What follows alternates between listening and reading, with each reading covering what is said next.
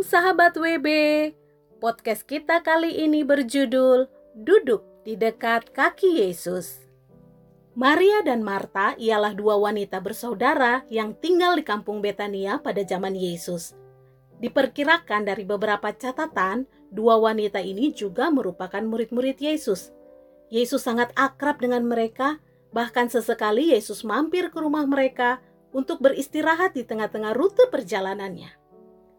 Untuk menyegarkan kembali kisah Maria dan Marta di benak kita, mari kita kembali membacanya di Lukas 10 ayat 38 sampai 42. Saat itu, Yesus dan rombongannya baru tiba di kampung Betania. Yesus langsung disambut oleh keramahan Marta yang memang mempunyai naluri melayani yang amat kuat. Di rumahnya, Marta mempersilahkan Yesus masuk dan duduk santai. Sementara Marta sibuk mondar-mandir dan menyuguhkan air minum dalam cangkir. Setelah itu, Marta meninggalkan Yesus untuk segera menyiapkan makan malam bersama karena Yesus akan menginap di rumah itu. Sang tamu agung ini perlu dilayani dengan sebaik-baiknya. Mungkin demikian pikiran Marta. Maria berbeda dengan saudarinya. Begitu melihat Yesus sedang duduk di ruang tamu rumahnya, langsung menghampiri Yesus dan duduk dekat di kaki Yesus. Maria ingin mendengarkan Yesus berbicara, topiknya apa saja, karena Maria selalu tertarik untuk mendengarkan perkataan Yesus. Benar saja, Yesus pun mulai berbicara, dan Maria menyimak dengan penuh perhatian. Begitu asiknya Maria mendengarkan Yesus berbicara, bahkan harumnya aroma masakan Marta dan kesibukan Marta yang gaduh di dapur tidak Maria hiraukan. Yang ada di pikiran Maria saat itu hanyalah Yesus ada di sini. Aku harus memanfaatkan kehadirannya dengan sebaik-baiknya dan mendengarkan setiap perkataannya. Sahabat WB, apakah kita juga dapat melihat perbedaan di antara Marta dan Maria? Marta adalah orang yang sangat mengasihi Tuhan. Dia memiliki hati yang peduli. Marta sangat paham perjalanan jauh Tuhan Yesus bersama rombongannya tentu telah membuat mereka penat dan lapar. Karena itulah Marta langsung sibuk menyiapkan makanan dan tempat istirahat yang terbaik untuk Yesus dan murid-muridnya. Marta ingin melayani Tuhan sebaik-baiknya. Di sisi lain, Maria juga sangat mengasihi Yesus. Dia sangat suka mendengarkan perkataan Yesus. Bagi Maria, tidak ada hal yang lebih penting dan menyukakan hati daripada mendengarkan Yesus. Melayani Yesus dan rombongannya dalam berbagai perkara teknis pun kalah pentingnya daripada menikmati kata-kata Yesus. Karena itulah, Maria tidak rela menyanyiakan waktu ketika Yesus mampir di rumahnya.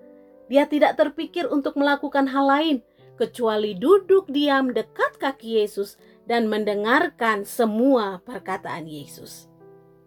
Sahabat WB, dua orang wanita ini sama-sama memiliki fokus yang tulus pada Yesus, tetapi kita dapat melihat jelas bahwa prioritas mereka berbeda.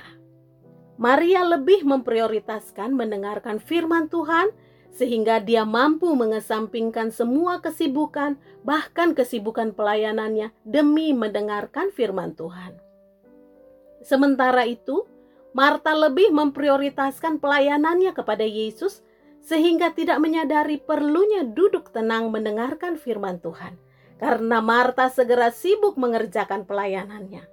Kedua prioritas ini baik, tetapi Yesus berkata bahwa salah satunya lebih baik yaitu prioritas Maria.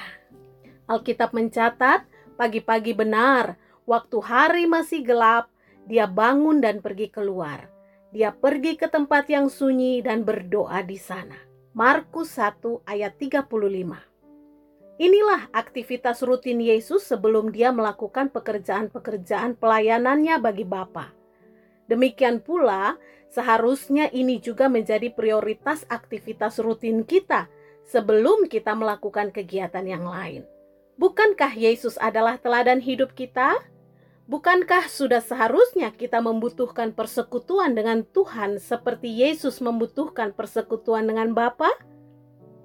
Sayangnya, sering kali ketika kita datang kepada Tuhan untuk bersekutu dengannya, pikiran dan hati kita justru sibuk dengan hal-hal lain.